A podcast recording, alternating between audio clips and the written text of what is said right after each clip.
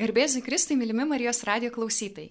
Knygų lentynoje su jumis Milda Vitkutė ir laidos svečias žurnalistas Simonas Bendžius. Labas Milda, sveiki visi.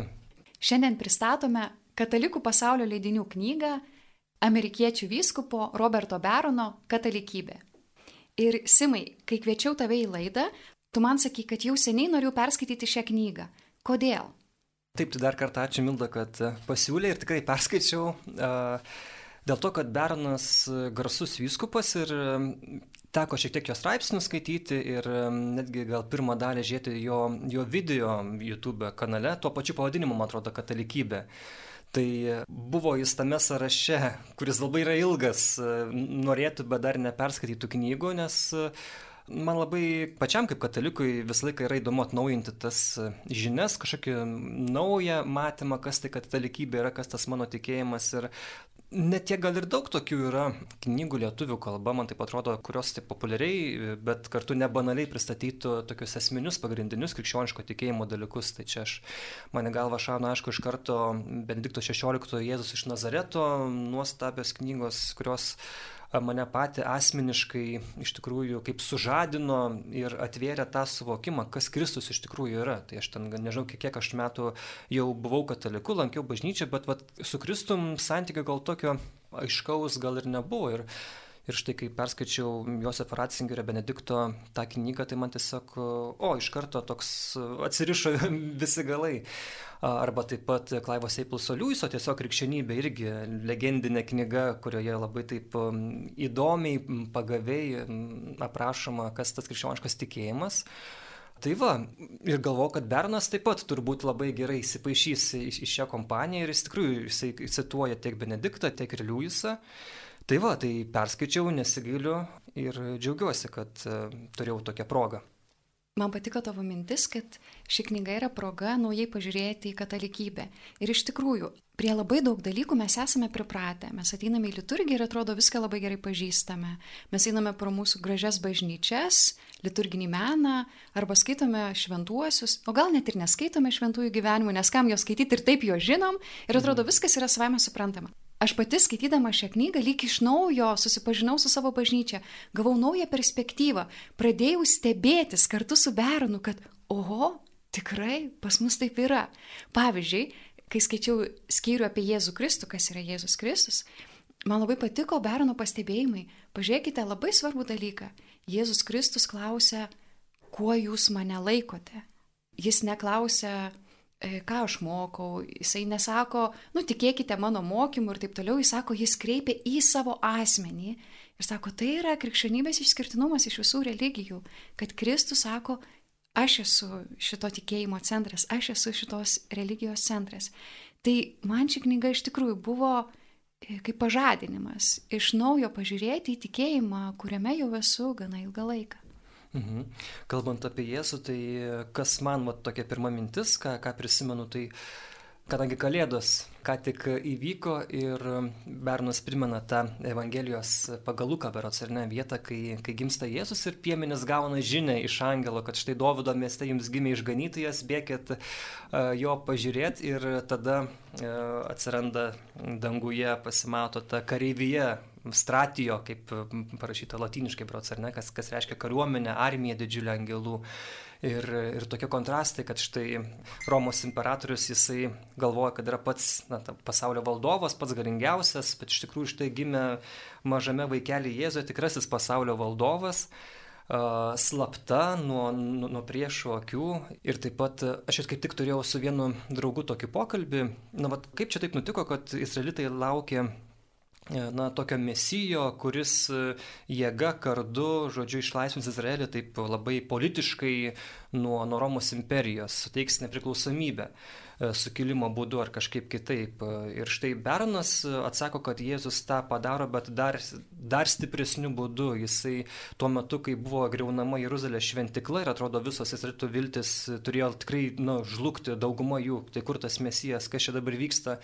Tuo metu pačioje to imperijos Romos, jau Romoje, pačiame mieste, jau, krikš, jau Paulius ir Petras jau skelbė Dievo žodį, jau krikščionybė ten pradėjo pamažu įsigalėti. Ir, ir štai ta tikroji pergalė, kad ne tik Izraelis, bet na, visas pasaulis jis gali būti išvaduotas ir ne tik nuo konkrečios imperijos, bet, bet nuo didžiausio blogio, nuo nuodėmės. Ir kad ta šventikla, kuri griuvo, atrodo tragedija, bet ta šventikla jau jinai persikelia į Jėzus Kristaus asmenį ir persikelia į bažnyčią. Ir man patiko, taip pat netgi paskui atsisakau pasižiūrėti YouTube'ai, paminėjo baronas vieną kardinolą amerikiečių, kuris dalyvavo Benedikto XVI toje konklavoje, kai jis buvo išrinktas.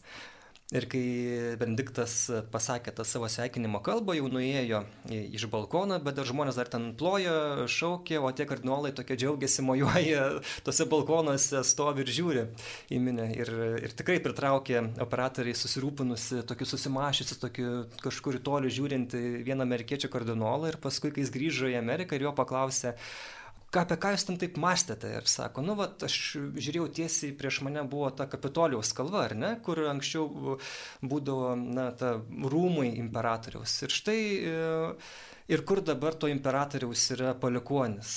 Kur jis, ar apskritai, ar, ar kam nors tai rūpi? O štai Jėzus, kaip palikonis, Jėzaus pasiekėjas, štai stovi šalia manęs. Tai vad, e, man tas labai taip labai taip naujai irgi atvėrė Kristaus asmenį kaip tikrai valdovą, kaip tikrai tokį, na, nugalėtoją. Ir kadangi čia ir tas karas Ukrainoje tikrai kažkaip labai ta teisingumo turbūt Dievo tema labai mumise užaštrėjusi yra ir iškilusi.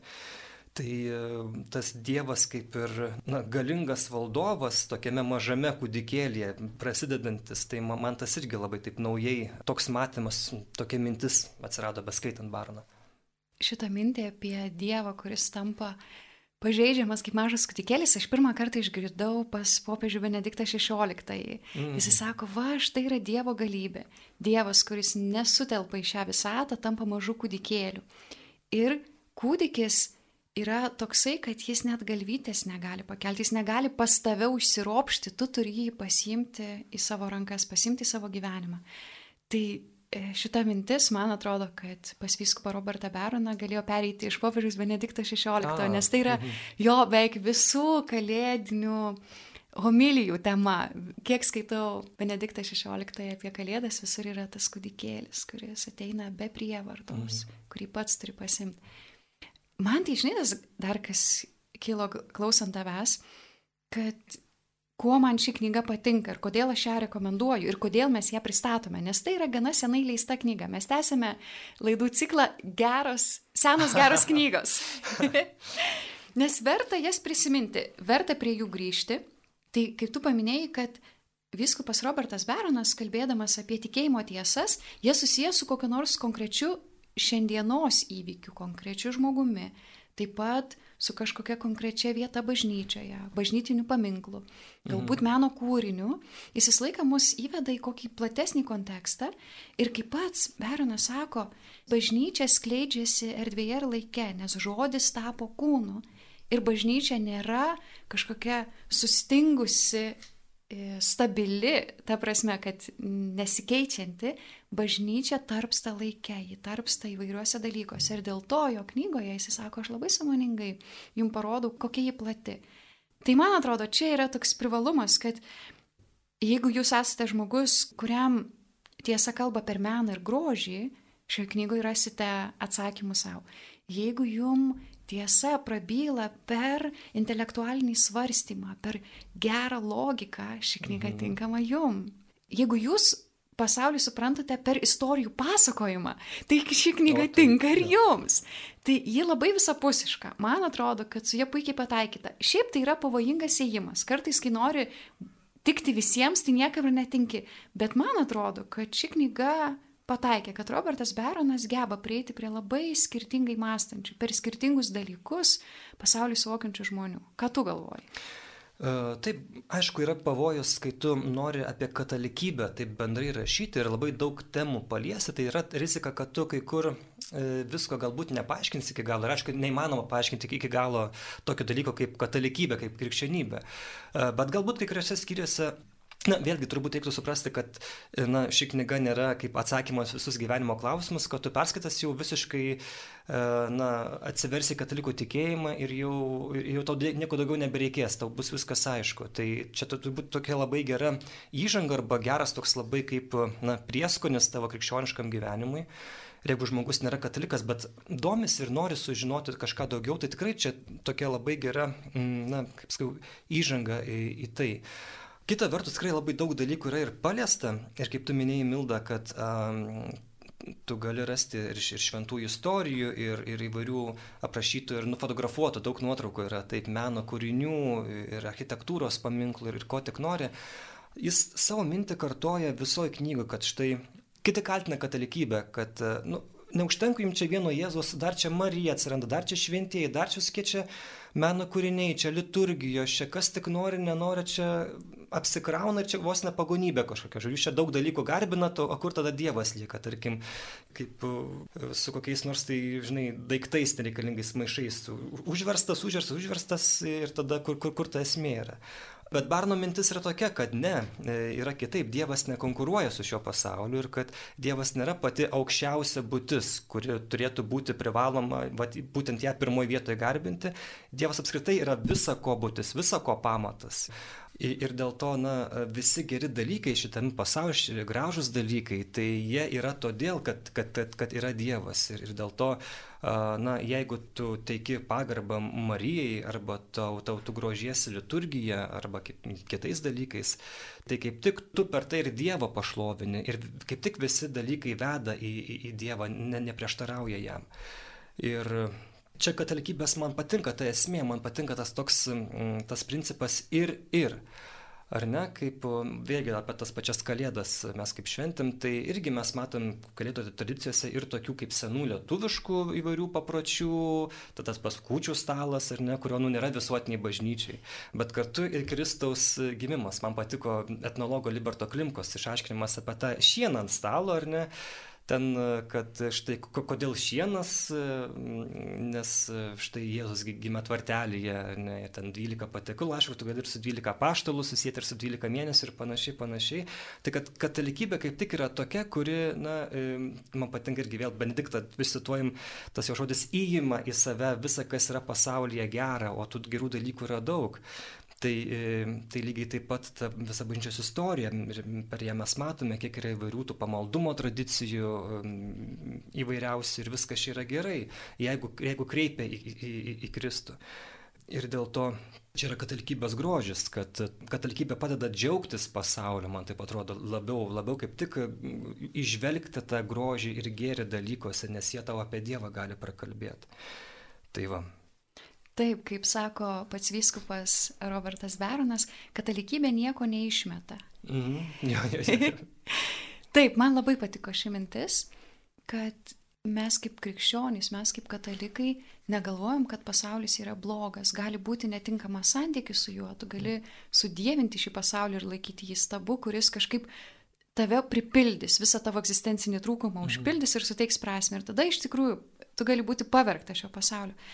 Bet viskupas Robertas Bernas sako, kad Dievas mums padeda teisingai susidėlioti savo santykį su šiuo pasauliu, ne? teisingai jį mylėti, kad santykis su Dievu mums iš tikrųjų atskleidžia visą šio pasaulio grožį. Mes matome ne tik tai, kad oi kažkas labai gerai ir kažkas labai blogai, mes mhm. matome visą pilną tikrovę.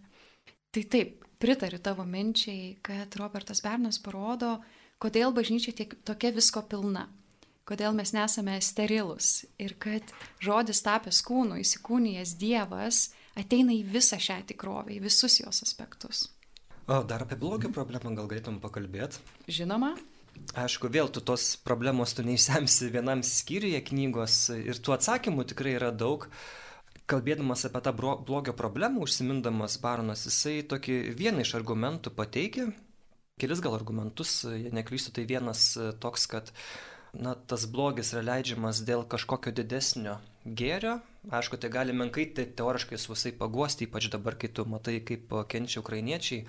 Bet Barnas kviečia, primindamas Jobo knygą, kai e, pabaigoje Jobo knygos Dievas parodo Jobui visą gamtos paslaptingumą, keistumą, galybę ir klausia, ar tu sugebi tai perprasti, tas mano mintis, ar tu sugebi ten pažadinti ten leviataną ir kitas pabaisas, kurios ten irgi yra. Nu, esmė tokia, kad tu neperprasti, neįmanoma perprasti Dievo sumanimų, Dievo planų. Ir, ir kitas dalykas, kad e, ta tamsi dėmė mano gyvenime, kuri dabar yra ir kuri galbūt, nežinau, gal ir visą, visą gyvenimą liks, ar, ar galbūt ir nebeliks jos kitą dieną, ar čia pat akimirką, jinai reikalinga tam bendram paveikslui. Ir jisai pateikė pavyzdį su vienu iš, iš paveikslų kurį, jeigu tu pasižiūri prie pat, tu matai tiesiog tokius taškelius, kurie visiškai jokio ryšio neturi, bet jeigu tu šiek tiek atsitrauki toliau, iš tų taškelių smulkių, spalvotų, tada yra susidaromas labai toks gražus toks paveikslas su, su, su žmonėm, kurie po parką vaikšto ten ir džiaugiasi.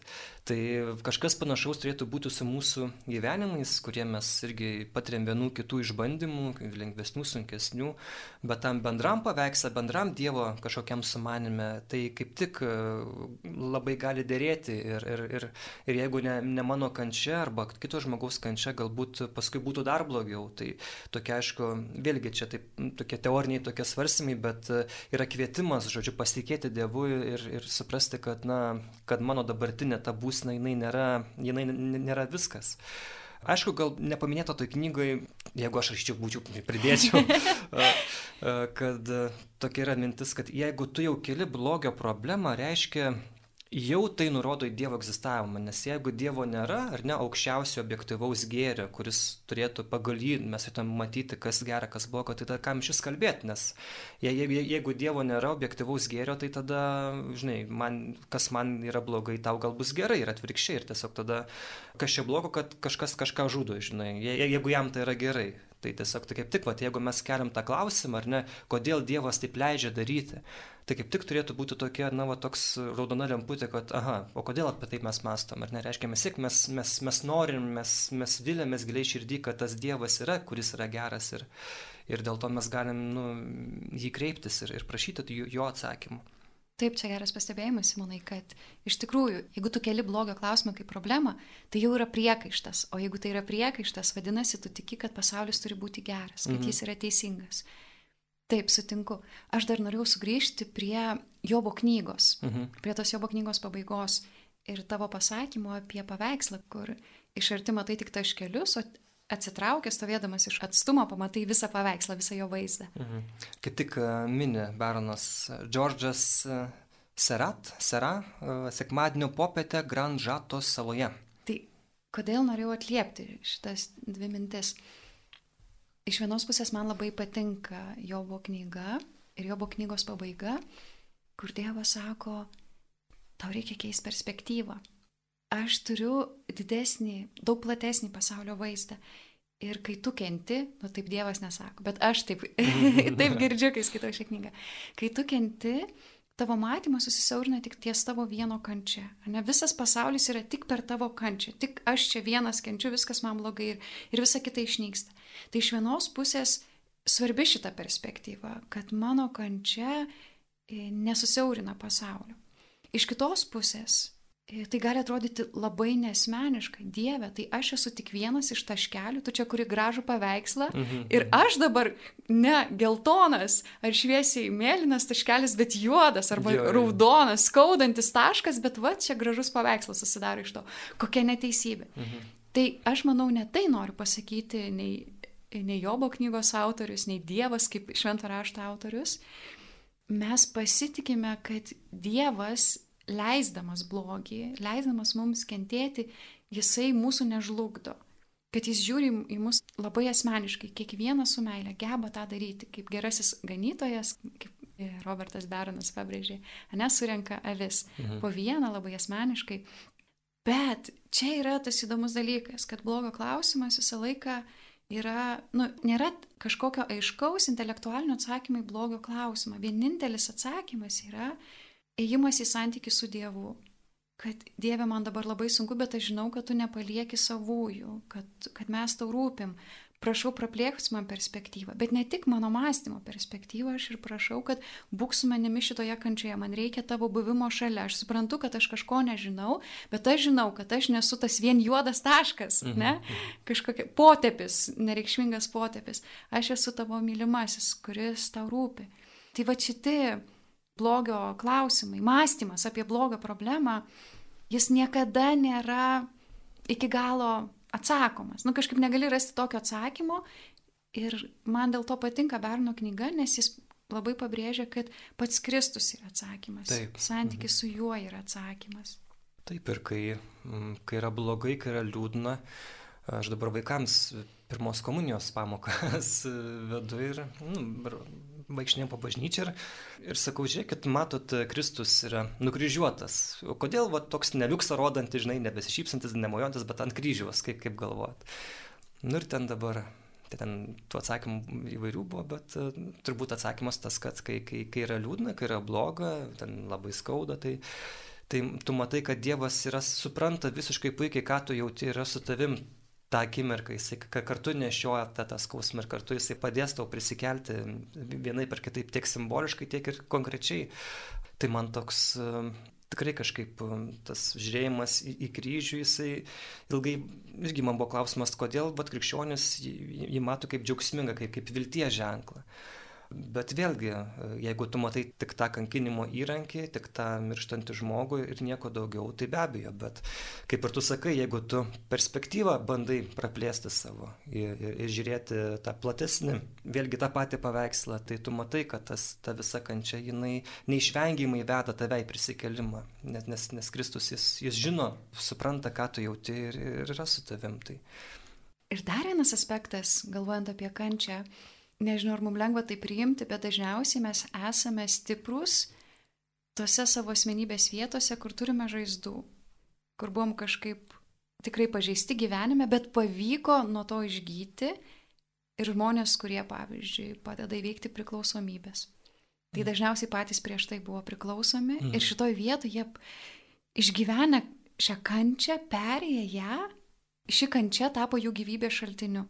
Ir panašu, kad pasaulis taip veikia, kad mes stipriausi ten, kur esame kažką iškentėję, nes jeigu kančia mūsų nesužlugdo, ji mūsų stiprina. Bet labai sunku nesužlugti kančioje. Reikia palaikančio santykio, kuris tave atlaikytų šioje kančioje. Tai čia ta mintis. Nežinau, ar tik katalikams svarbi mintis, turbūt kiekvienam žmogui svarbi mintis, bet kurią sutiksit ir šioje knygoje apie atperkančią meilę ir kančią, kuri pradeda teikti gyvenimą. Ir ne tik katalikam, ir knyga vadinasi katalikybė, ir čia geras pavadinimas teisingas, bet turbūt, nežinau, keturi penktadaliai knygos, jie yra apskritai apie krikščionišką tikėjimą. Ir tu gali, net ir protestantas, ortodoksas, jisai tikrai toj knygoje rastų daug ką ir savo. O jeigu kalbant konkrečiai, vat, kuom dar yra katalikiška ši knyga, tai man įdomus buvo irgi toks gal, a, taip, galbūt net ir negirdėtas ar mažai girdėtas toks kaip momentas apie Petrą. E, vėl tas pasklausimas, kuo jūs mane laikote? Ir Petras jisai atsako, tu esi Mesijas gyvo Dievo sunus. Arba kita vieta, kai Jėzus konkrečiai kalba, kad štai jūs turėsit valgyti mano kūną ir gerti mano kraują tam, kad gyventumėt ir visi pasibaisėję, dalis mokinių netgi nuo jo atitolsta.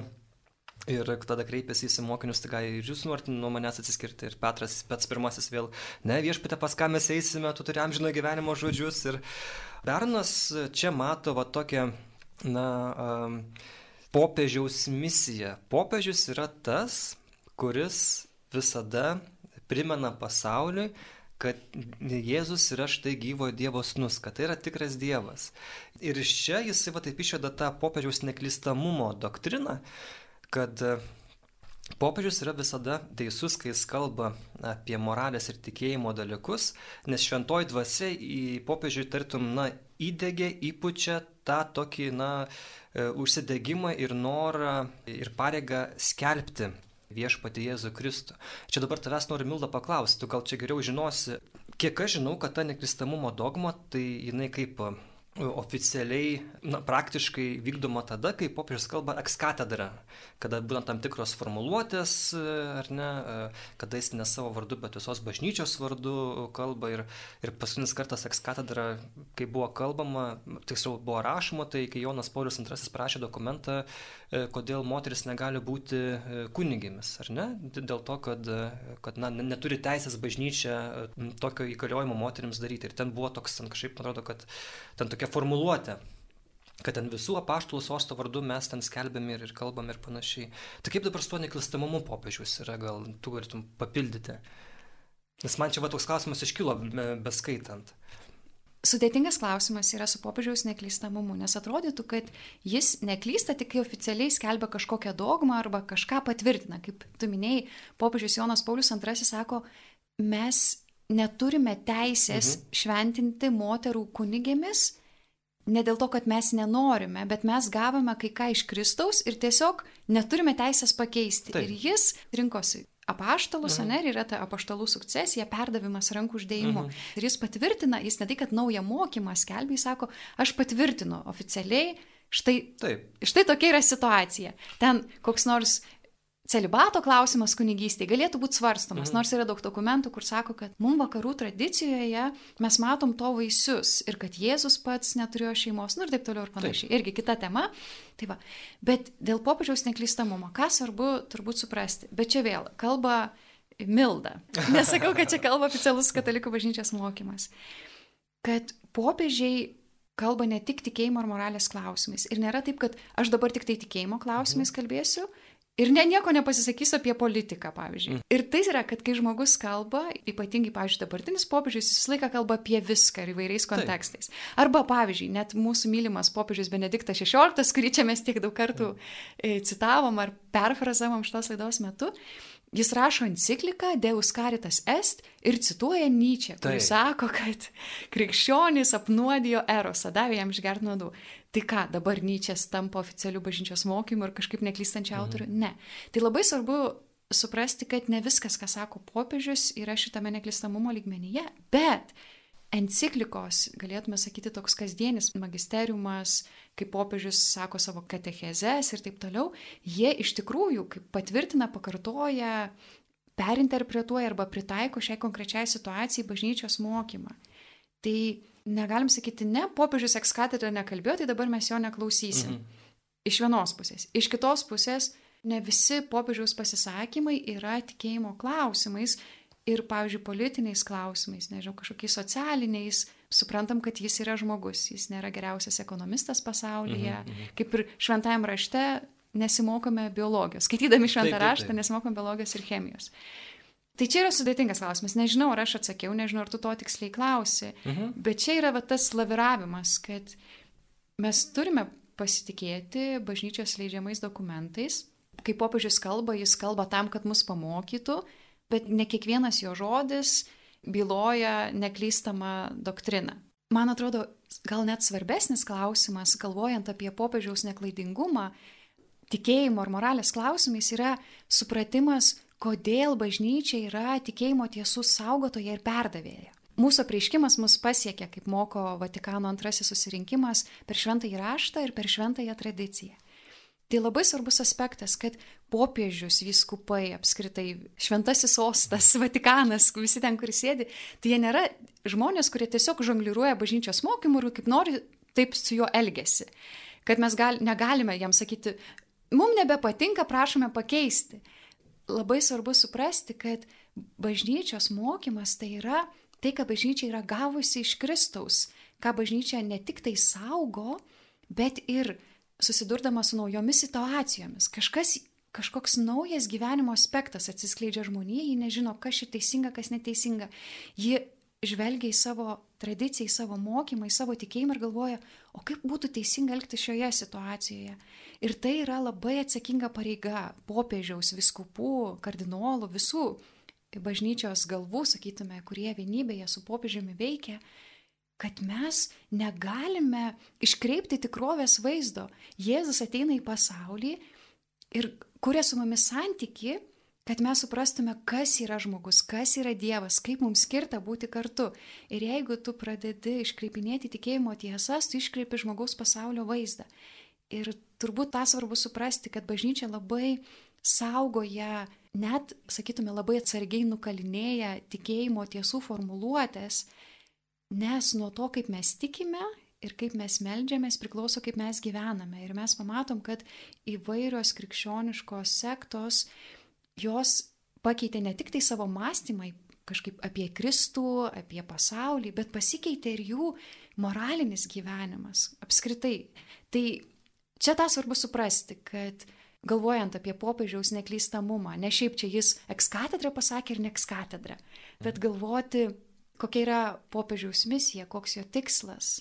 Vienas iš tikslų yra perduoti tikėjimą, nepažeista, bet kartu pritaikyta, kaip sako vyskupas Robertas Beronas, dar kartelį žodis tapo kūnu, Dievas atėjo į šį pasaulį ir mums reikia įkūnyti savo gyvenime šitą tiesą apie šią tikrovę, kaip šitas pasaulis veikia, kaip kuriamas santykis su Dievu ir kaip kuriamas su žmonėmis. Tu užsiminė apie Nyčią, tai e, kitam veikale, vėlgi Benedikto XVI tuometinio Ratzingerio Josefo eschatologija, jis irgi cituoja Nyčią E, ir jo minti, kad kiekvienas malonumas nori gilios, gilios amžinybės.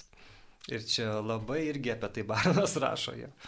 Taip, e, šiaip, kadangi jau užsiminėm apie tą Nyčią, reikia pratesti, mėgstame jį kažkaip labai staigiai nulinčiuot. A, čia kažkoks ateistinis filosofas. Bet aš tai mėgstu į Nyčią žiūrėti kaip į gerą diagnostiką. Kuria prasme diagnostika, kuris įvardina kažką, ko mes nematom kažkokią diagnozę, ne kaip kraujo tyrimą, parodo štai, mm. va jūs taip gyvenate, kaip jo populiarioji ištara, Dievas mirė ir mes jį nužudėme. -hmm. Ir mhm. dabar čia, žodžiu, kraujai teka ir kaip liūdna. Taip. Ir jis sako, žiūrėkit, žmonės, jūs gyvenate taip, lyg nebūtų objektyvios moralės. O kas yra objektyvios moralės pagrindas? Tai yra Dievas.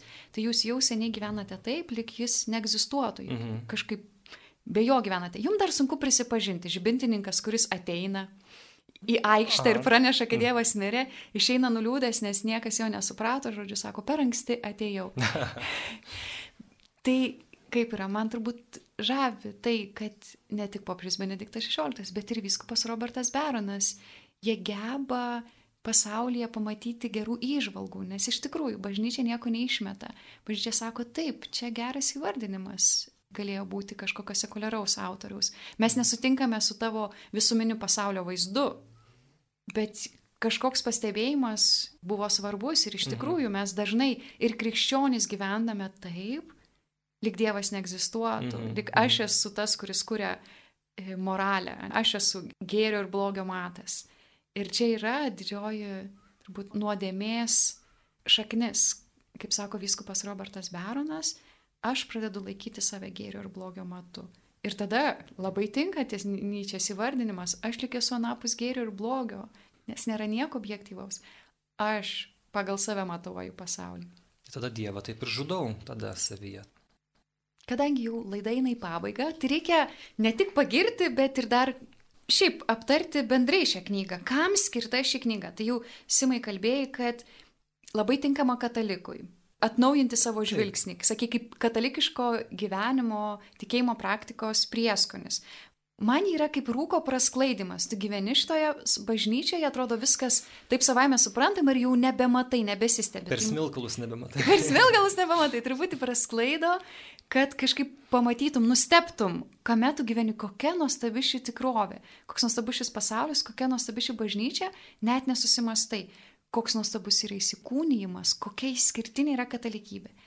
Tai labai daug pliusų šiai knygai ir dažnai girdžiu, kad žmonės sako, nėra knygų jaunimui, aš nežinau, ką čia jam duot skaityti jaunimui. Tai čia yra knyga, kuri tinkama ir jaunimui.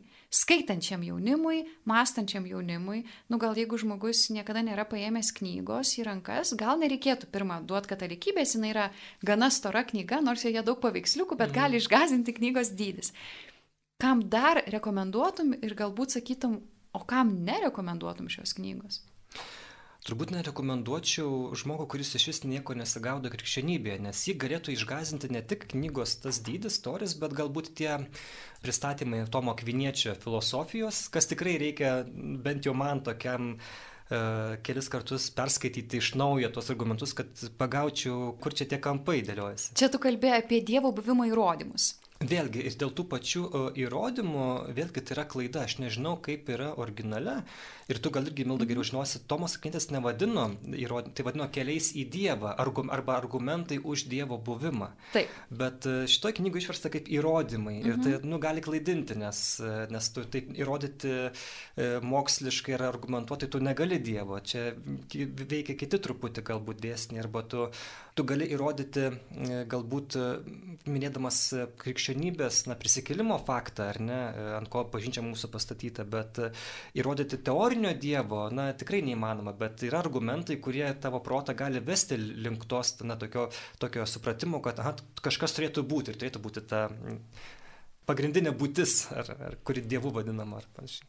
Taip, kaip galvojame apie penkis kelius Tomo Kviniečio arba mhm. penkis argumentus, tai man atrodo geriausiai tai vardino Alister Magratas, kuris sakė, kad šie Tomo Kviniečio penki keliai arba penki argumentai parodo krikščioniško mąstymo nuoseklumą. Mhm. Tai nėra gamtamokslio įrodymo pobūdis, kur tu padarai eksperimentą, štai, sumaišius šitas dvi medžiagas gaunasi tokia trečia. Ir akivaizdu, tu net neturi kažkaip tikėti tuo, tau tai yra akivaizdu ir tokiu būdu įvyksta įrodymas. Arba šita formulė išvedama iš kitos. Tai taip, tikėjimas Dievu labai svarbu. Jis paremtas tikėjimu, pasitikėjimu, paremtas santykiu. Ir santykyje nu, nėra įrodymų. Bet ką mes galime parodyti savo kaip krikščionims arba kalbėdami su netikinčiais žmonėmis, tai galime parodyti krikščioniško požiūrio į pasaulį nuoseklumą, mąstymo apie Dievą nuoseklumą, kad mes nesame nelogiški. Būtent jo, ir čia, čia tai labai svarbu. Ir gerai, kad, kad Bernas tą mini, kad protas taip pat yra Dievo kūrinys ir mes irgi turim jį pajungti, norėdami suprasti ir labiau ir pamilti e, kurėją. Tai, tai šitas dalykas ir kituris tų akviniečių argumentų naudoja, dabar čia taip tiksliai neprisimenu, bet e, tiesiog irgi gali taip šiek tiek žmogų išgazdinti. E, kitas dalykas, kas labai jo nuostabi mintis Barono apie tai, kad šventieji yra tie, e, į kurių valtis įlipo Jėzus. Čia jis primena jis Petro žvejo pašaukimą, jam valtis buvo Petrui turbūt nu, tikrai viskas, nes tai yra ir pragyvenimo šaltinis, ir jo toks kaip na, tapatybės dalis, jo profesinio profesinių gebėjimų išraiška, nes štai jisai puikus žvėjys ir, ir, ir valtis simbolizuoja jo tokį na, talentą, gabumus ir štai į tą valtį neatsiklausęs įlipa Jėzus, bet jis na, kaip tik uh, Ir, ir kai Jėzus yra valtyje, tada uh, tokį laimikį e, sugauna Petras žuvų, kokios dar gyvenime nėra sugavęs. Ir taip pat ir Jėzus, kai jis ateina kartais taip netikėtai, slapčia į mūsų gyvenimus, į mūsų pašaukimo talentus, tai jie dar labiau išsiskleidžia ir mes dar labiau tampame tuo, ko mes esam pašaukti būti ir, ir, tuo, labiau, ir tuo laimingesni. Ir jis Mėdamas Baronas e, apie šventuosius, jisai paminė keletą jų ir tikrai labai įdomias istorijas papasakoja. Tai šventoji Kotrina Drexel, kūdikėlio Jėzaus Teresė, Švento kryžiaus Teresė Benedikta ir motina Teresė iš Kalkutos. Bet vienas minusas yra tas, kad visos jos yra vienuolės. Ir jų tokia gana, sakytume taip, radikalūs tie šventumo keliai. Lygiai taip pat kaip ir kitame skyriuje jis kalba apie maldą, daug dėmesio skiria kontemplatyviai maldai, kas irgi labai įdomu yra labai įdomus skyrius ir pateikia, pateikia Tomo Mertono istoriją, bet Mertonas irgi yra vienuolis ir dėl to kaip pasaulietis, kuris va štai skaito, gali išsigasti, kad pala, tai negi šventasis turi būti tas, kuris va taip radikaliai įsižada visko, neturi šeimos, žodžiu, pasiryžęs arba tiesiog kuris būtinai ten turi būti arba nužudytas, arba kažkaip vienuolinė užsidaręs. Trūko tokio, na, pristatymo, kaip pasaulietis, paprastas žmogus galėtų tame šventumo kelyje būti, ar ne? Arba tarkim, kaip pora, vyras ir žmona galėtų būti šventumo kelyje, nes apskritai bažnyčia labai trūksta to pavyzdžio, ar ne, šventų šeimų, šventų porų. Mes turime, aišku, Mariją ir Jėzų, bet ten labai tokia, na, netradicinė pora, galima sakyti. Tai, tai čia gal toks, na, neišsigaskite tie, kurie skaitysit ir, ir galvosit, kad tik tais vienuoliai gali būti šventi. Tai tikrai ne. Ir Barnas be abejo irgi taip neteigia, bet beskaitant, na, šiek tiek trūko to tokio, na, pristatymo pasaulietiško gyvenimo grožio ir šventumo. Pati skaitydama apie tai net nepagalvojau. A.